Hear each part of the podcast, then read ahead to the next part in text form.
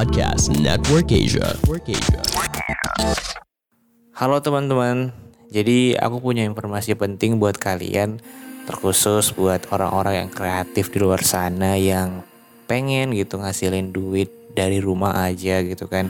Karena di masa pandemi gini orang-orang pada wah ngapain ya enaknya di rumah aja tapi dapat duit gitu kan. Nah, jawabannya atau solusinya bisa jadi adalah ngepodcast kawan-kawan. Tapi gimana sih cara memonetisasi podcast kamu dan gimana sih cara buat mengembangkan podcast kamu? Nah, aku bakalan ngenalin kalian satu website yang cukup bisa diandalkan dalam hal itu. Namanya adalah Podmetrics. Di situ kamu bisa mengembangkan podcast kamu, terus bisa memonetisasinya. Kamu bisa juga dapat duit dari sana gitu kan. Karena di situ tuh platformnya tuh bisa membantu kamu uh, mencari brand-brand yang cocok buat audiens podcast kamu gitu kan. Terus juga di sini tuh ada fitur namanya analytics. Nah, tapi analyticsnya tuh cukup detail kawan-kawan. Di situ bisa melihat di mana sih uh, lokasi para pendengar-pendengar kamu. Terus bisa juga ngelihat average pendengar podcast kamu dan masih banyak yang lainnya gitu. Terus juga di situ ada namanya pot earnings di mana kamu bisa menghasilkan uang dengan cara metode pembayaran yang mudah gitu. Kamu di Indonesia tanpa ribet gitu bisa langsung cair lewat rekening bank di Indonesia gitu. Jadi gampang. Jadi buat kamu para podcaster atau yang pengen mulai jadi podcaster, kamu bisa daftar Podmetrics melalui link referral yang aku kasih di deskripsi episode podcast aku yang ini. Oke, kalian bisa pakai di situ buat daftar Podmetrics. Oke teman-teman, itu aja. Selamat berkarya ya. Halo semuanya, nama saya Iksan. Balik lagi dengan aku di sini di podcast dengerin horor. Jadi ya, semalam itu di Twitter, di Twitter aku, di Twitter baca horor, at baca horor. Itu kan aku udah mulai bikin kayak rutinitas gitu ya. Setiap ming, setiap Kamis malam jam 10-an itu aku bikin space gitu. Space horor. Jadi kalau ada orang-orang yang pengen cerita, pengen sharing cerita horor, pengalaman-pengalaman mistisnya, bisa gabung di space terus ada juga yang dengerin gitu kan jadi itu kemarin puncaknya ya um, semalam itu aku bikin space terus pas ketepaan ini apa ada ada beberapa penulis yang ikut nimbrung gitu kan. Ada Mas Restu terus Zero Point terus juga ada Mas Agil Agil R. Saputra. Terus ada juga Mbak Siska Novian. Terus ada Mas Metafisika gitu juga kalau kalian tahu itu itu itu penulis penulis tweet yang ada di Twitter nah kemarin juga kebetulan ada Mas Agil gitu kan yang yang punya tweet keluarga Santoso.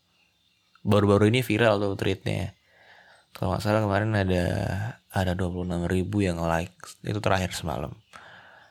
Dibukalah diskusi di sana. Um, ada juga nanya tentang treatnya keluarga Santoso. Itu ada nanya gitu kan. Itu uh, rumahnya masih ada nggak mas? Gitu kan di sana. Masih masih masih ada di sana. Dan masih dihuni katanya gitu. Banyaklah situ bahas bahasannya ada juga tentang pesugihan Uh, dan juga ada juga tentang uh, mimpi, tentang firasat gitu kan. Jadi ada mbak-mbak Yogyakarta, asal Yogyakarta, dia dia katanya punya kayak apa ya firasat gitu deh, semacam firasat atau atau gimana. Tapi firasatnya tuh dikirim itu lewat mimpi gitu. Dan beberapa kejadian yang dialami sama dia, kayak misalnya pas kakeknya mau meninggal kakeknya tuh bapaknya aku kurang tahu aku aku udah lupa sedikit nah uh, dia tuh kayak nyium bau sesuatu gitu. Dan bener setelah beberapa lama kemudian kakeknya meninggal gitu. Terus dia juga mimpi katanya ini ini lain ceritanya. Ah, beda, beda, case. Kalau tadi bapak kakek yang meninggal kalau ini ada kejadian di depan kosannya. Eh jadi di- jadi itu di dia di mimpinya itu kayak ada kecelakaan ada eh, laki-laki pakai celana hitam baju hitam terus pakai helm hitam. Terus dia mimpi kalau cowok ini tuh kecelakaan di depan kosan dia. Terus dia bangun. Kebangun eh bener. Pas dia kebangun ada ada orang kecelakaan di depan kosan dia gitu. Ba, apa namanya eh kondisinya tuh sama persis gitu. Maksudnya perawakannya sama gitu. Celana hitam baju hitam helmnya juga sama bahkan helmnya juga sama gitu. Jadi itu kejadiannya mimpi mimpinya tuh lima menit sebelum kejadian. Jadi apa ya semacam semacam diberi firasat sesuatu gitu. Banyak banget sih kemarin tuh semalam eh cerita-cerita yang kayak gitu tuh sampai apa ya sampai yang awalnya pengen dua jam doang kan dari jam 10-an sampai jam 12 eh tau sampai jam 1 jam 1 lewat 10-an gitu. Saking banyaknya yang pengen ceritain gitu. Tapi ya oke lah ya. Sekarang di episode ini aku bakal bacain cerita horor. Tapi ya, sedikit singkat juga. Walaupun singkat ini nggak kalah serem juga sih. Soalnya yang like sampai 2500-an gitu. Yang retweet sampai 500 dan apa ya yang komen pada minta lanjut lanjut gitu. Kayak menarik lah buat dibahas di sini. Dan judulnya eh tragedi berdarah di sekolah dasar. Sebuah kisah nyata yang ingin kuceritakan ulang dengan lebih rapi dan kisah nyata ini dari ibuku zaman dahulu. Tweet ini ditulis oleh akun Twitter @mandanitika atau capricorn.id capricorn.id ya Mbak Mandanitika Oke kita mulai aja Kami tinggal di sebuah desa kecil dua jam dari jantung kota Sumatera Selatan. Zaman dahulu, kakek bertitah kepada anak-anaknya untuk tinggal bersama di rumahnya apabila belum memiliki rumah sendiri. Ini cerita ketika ibuku masih gadis. Ibuku adalah gadis yang cukup terkenal di kampungku. Beliau sangat cakap bermain voli. Tidak ada yang tidak tahu rumahnya, karena keluarga Simbah adalah salah satu sesepuh yang dituakan di kampungku. Ibuku ini sebut saja namanya Anggi. Suatu ketika, seorang bujangan ingin menjadi pacarnya.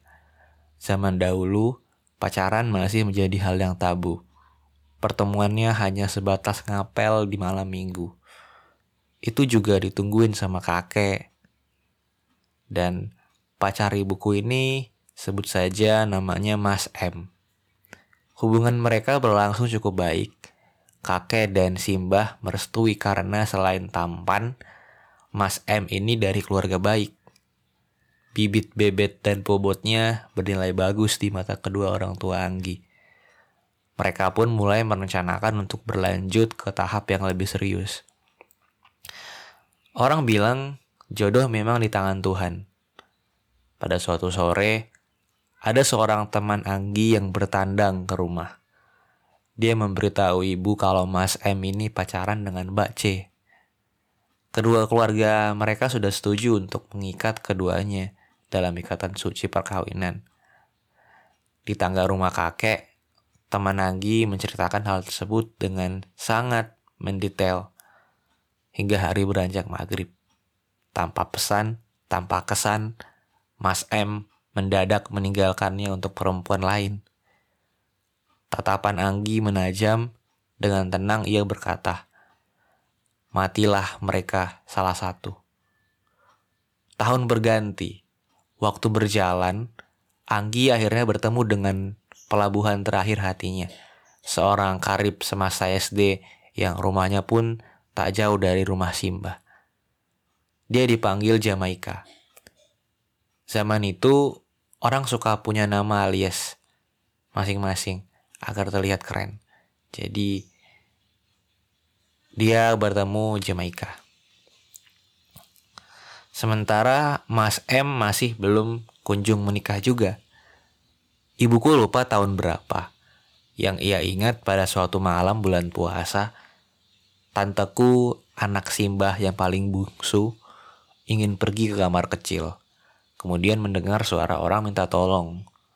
Malam itu rumah simbah masih ramai karena bagi-bagi THR dan proses pembuatan kue untuk mengisi toples lebaran nanti.